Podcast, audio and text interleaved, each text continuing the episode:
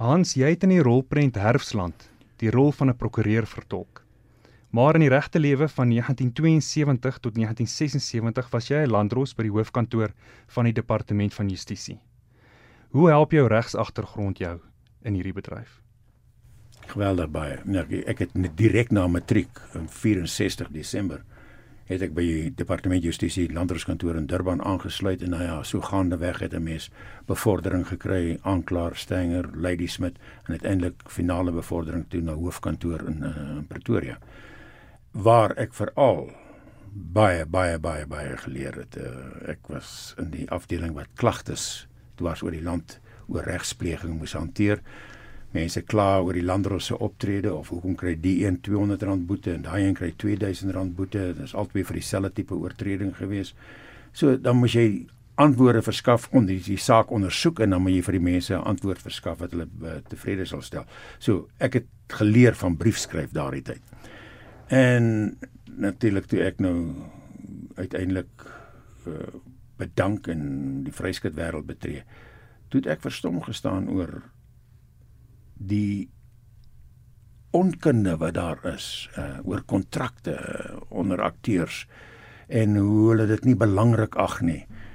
En uh, toe het my regskennis maar uh, handig te pas gekom en uiteindelik baie jare later nou met die heruitsendings van van programme waar die SABC traag was om te betaal en ons hulle hof toe moet sleep en ons nog steeds besig om hulle hof toe te sleep. Uh kom my agtergrond baie handig te pas. Kan jy my meer vertel van die Suid-Afrikaanse Akteursgilde? Ja, die Akteursgilde is seker so, so 10 jaar gelede gestig. Uh daar was 'n behoefte gewees want daar was nêrens uh, daar was nie 'n ander uh gilde of enigiets gewees. Ons moet noem dit 'n gilde omdat ons vryskut mense akteurs is nie werkers nie. Ons is nie werknemers nie. Uh so ons kan nie aan 'n unie, 'n vakbond behoort nie want dit is val onder die arbeidswetgewing. Ons is heeltemal los op ons eie aangewese. So dit is waar die gilde toe nou ontstaan het.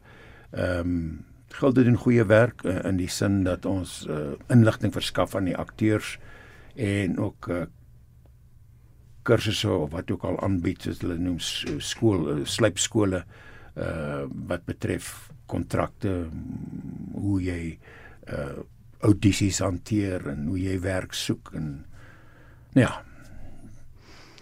en dit is nie net hierdie sektor wat wat erg gebuk gaan onder die koronavirus nie. Ehm um, baie ander sektore in die land, maar met die uitdagings wat die koronavirus nou bring en die druk wat dit op hierdie spesifieke bedryf plaas, hoe dink jy kan kunstenaars mekaar op ander maniere ondersteun en bystaan? Enko ek is ek is een wat glo daaraan dat 'n mens moet 'n plan B hê akteur wees is een van die hoogste risiko bedrywe wat jy kan kry. Jy het geen vaste inkomste en jy is nie seker daarvan waar jou volgende werk vandaan gaan kom nie. En boonop kry jy mens 'n akteur 'n groter 'n groot bedragie wanneer hy nou 'n prent of 'n reeks speel, dan is dit 'n taamlike bedrag wat hy kry op een slag. Wat dissipline verg om daai geld behoorlik te gebruik, 'n deel daarvan weg te sit soos hulle sê, betaal jouself eerste. Sit daarvan daai geld, sit dit in jou in jou uitreaniteit is uh, of 'n ander lewenspolis of wat ook al. Ons akteurs is ongeneig om daai daai groot sommetjie geld en dit kan oor 100 000 rand wees om dit nou te gaan staan en blaas, jy weet, op lekker goed en dan sit jy vir 6 maande en jy het nie werk nie. So is dan is daar van die akteurs wat nou gelukkig is, geseënd is dat hulle multitalente het. Hulle kan sing. Hulle kan skilder. Daar's mense wat uh ander ontwerpe of wat wat hulle ook al doen. Uh so ek ek glo daaraan mense moet 'n plan B hê dat jy iets anders te het dat jy in die agtergrond mee aan die gang is sodat as dit sleg gaan in die bedryf jy iets om op terug te val. Vandag as jy 'n boer, sou jy noem dat dit deel vorm van jou plan B? Kyk dit is my plan B maar ek moet sê dit kom baie baie jare was nog altyd maar van van jongs af was dit nou by my 'n uh, begeerte om eendag 'n stukkie grond te hê en diere te hê dit is dis nou maar vir my 'n stokperdjie wat waar geword het natuurlik uh, dit is uitgawes, maar nou ja, omdat jy dit in saam met jou belasting gooi, is jou uitgawes afskry, afskryfbaar, maar die mense moet eet. So ek dink 'n bees en 'n skaap, uh, daar sal altyd aanvraag wees daarvoor.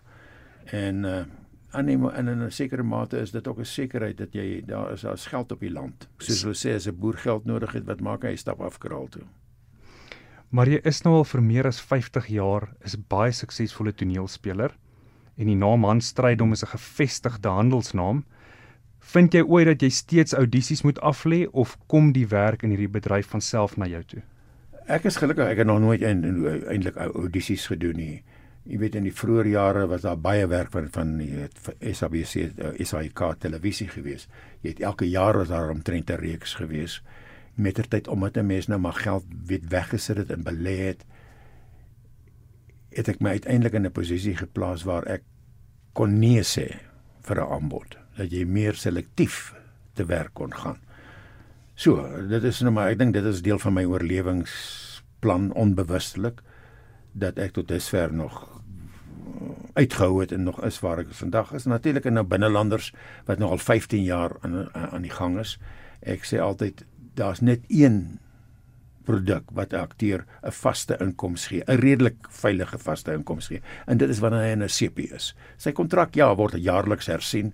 Hulle kan jou nou weet uitgooi na 'n jaar, maar as jy jou gedra en jy jy lewer die goods soos hulle Engels sê, dan uh, sal jou inhou en op daai manier kan 'n akteur miskien bekostig om vir 'n bank te sê ek het 'n redelike vaste inkomste. Hoe lyk dit met 'n lening vir 'n huis want dit is dink is een van die groot probleme van 'n akteur is om 'n huis te kan koop want hy het nie daai vaste inkomste om vir die bank te bewys dat hy 'n gereelde vaste inkomste het nie. Maar ons rolprent maak het 'n soort romantiek. Ons praat nou oor môre môre die onder andere oor die, oor die fliek en en toe na dit televisie maak dinge toe nog net meer opwindend. Um maar wat sê ons, wat sê jy vir daai jong mense wat net vaskyk in die beroemdheid wat wat saam met hierdie bedryf kom? Kyk, ek sê rolprent maak of akteur wees of movies maak is 'n siekte. Ek vergelyk dit baie met borrel siekte, jy weet, as 'n duiker te diep duik, kry hy borrels in sy bloed. Maar jy weet hy wil duik, hy wil du uh, diep duik. Nou kry jy vervaardigers wat hy het hierdie storie in sy kop en hy wil om die dood nie daarvan afsien nie. Hy gaan verpand sy huis, hy verpand alles wat hy het om geld te kry om daardie rolprent storie wat hy in glo te maak. En ek sê dit is soos borrelsiek, dit is gevaarlik. As hierdie gogga jou gebyt het, dan doen mense snaakse goed, hulle laat hulle vaste werk los, hulle soos in my geval. Uh dit is mes met oop oë. Die bedryf met oop oë in in nugter uh benader. Ek weet hoeveel ouers het al na my toe gekom en sê hulle my kind is nou sy sy of hy het 'n honeursgraad in drama is nou al 2 jaar en hy kry nie werk nie aanbiedinge nie. Sê ek wil dan met hy die boodskap kry. Daar is nie 'n aanvraag vir hom nie maar as hy so behep is met die bedryf, daar's baie ander kan skryfwerk doen, hy kan agter die skerms gaan werk, agter die kamera gaan werk. Daar's soveel as hy wil betrokke wees by die by die bedryf. Jy hoef nie noodwendig voor die kameras te wees nie. Ek kyk spesifiek vandag na al die akteurs wat hier rondom ons staan op die binnelander stel voor by die koffiestasie waar hulle koffie drink, um, beskuit eet en op die banke agteroor sit terwyl hulle wag totdat hulle geroep word stel toe om op te tree en ek wil vinnig terugspring na Ad Koster toe. Want Ad Koster se onvoorspelbaarheid maak hom vir my baie interessant. En ek kan sien hierdie akteurs die rondloop, die die personeel in die hospitaal maak mekaar bang met hom, met Ad Koster. Nou, hoe het jy die finansiële onvoorspelbaarheid van hierdie bedryf? Hoe kan ander akteurs hierdie hierdie onvoorspelbaarheid soos wat Ad Koster vir my onvoorspelbare karakter is? Die onvoorspelbaarheid in hierdie bedryf oorkom? Mm, dit is, is nou 'n lang en groot vraag daar. Kom ons kom eers by die karakter van Ad Koster. Mense is bewus, eh, wel deeglik is ek daarvan bewus dat jy nie net jou lyne leer en opsê nie. Jou taak is baie groter as dit. Jy moet 'n karakter skep wat die mense genaal hou en wil kyk en Anders raak dinge te voorspelbaar. Ek sien baie keer sien jy jy kan 'n persoon se die dialoog as ek kyk na ander prentjies wat ek kan kyk die dialoog vooruit sien. Verrassing. Jy moet altyd weet vir dis hoekom ek ek werk ook aan die dialoog sal ek maar die dialoog verander as dit in karakter is, 'n verbetering van die dialoog. Ek weet ek word baie keer beskuldig sê jy verander die dialoog. Ek sê ek verander dit nie. Ek verbeter dit sodat dit in aste uh, Ad Koster se karakter val. Nou die wispelturigheid dit dit dit dit, dit maak hom interessant. Jy weet Jamie Eis het uh, ons ons Godsmith we crazy geskied het sit ons eendag in die woestyn en uh, hier reën dit in die woestyn. Kon ons skiet dis dit is nou lekker diep gesprekke en voer. Wat hy gesê het, jy moet altyd een stappie voor jou kyker wees. As hy die oomblik agtergekom het waarheen jy op pad is met jou grappie of jou jou snaakse komiese situasie, dan is hy verveeld. Dan wag hy nou vir jou om klaar te maak. Jy moet vinniger as die kyker beweeg. Anders dan gaan hy jou gaan hy jou uitvang en hy gaan verveeld wees en hy wil nie verder kyk eintlik nie. So dit is 'n baie waardevolle les om te leer en te sê dat jy die karakter en die storie interessant moet hou sodat die kyker dit nie voorspel en klaar kan sien waarheen jy op pad is nie. Jy moet hom verras telkens. Op 'n persoonlike noot vir my was dit 'n baie groot hoogtepunt om by jou vandag te mag kom kuier het. Dankie ek. Nee, dit was 'n plesier gewees. Hans Strydom is al sedert die eerste episode by Binnelanders en dit is net hy wat nog hier is sedert die eerste episode. Hy moes iets reg gedoen het om na 50 jaar steeds in die bedryf te wees en is sonder twyfel een van die legendes van die Suid-Afrikaanse vermaaklikheidsbedryf. Vir my is dit 'n ware kuns en hierdie was nog 'n aflewering van Kuns met Kontant.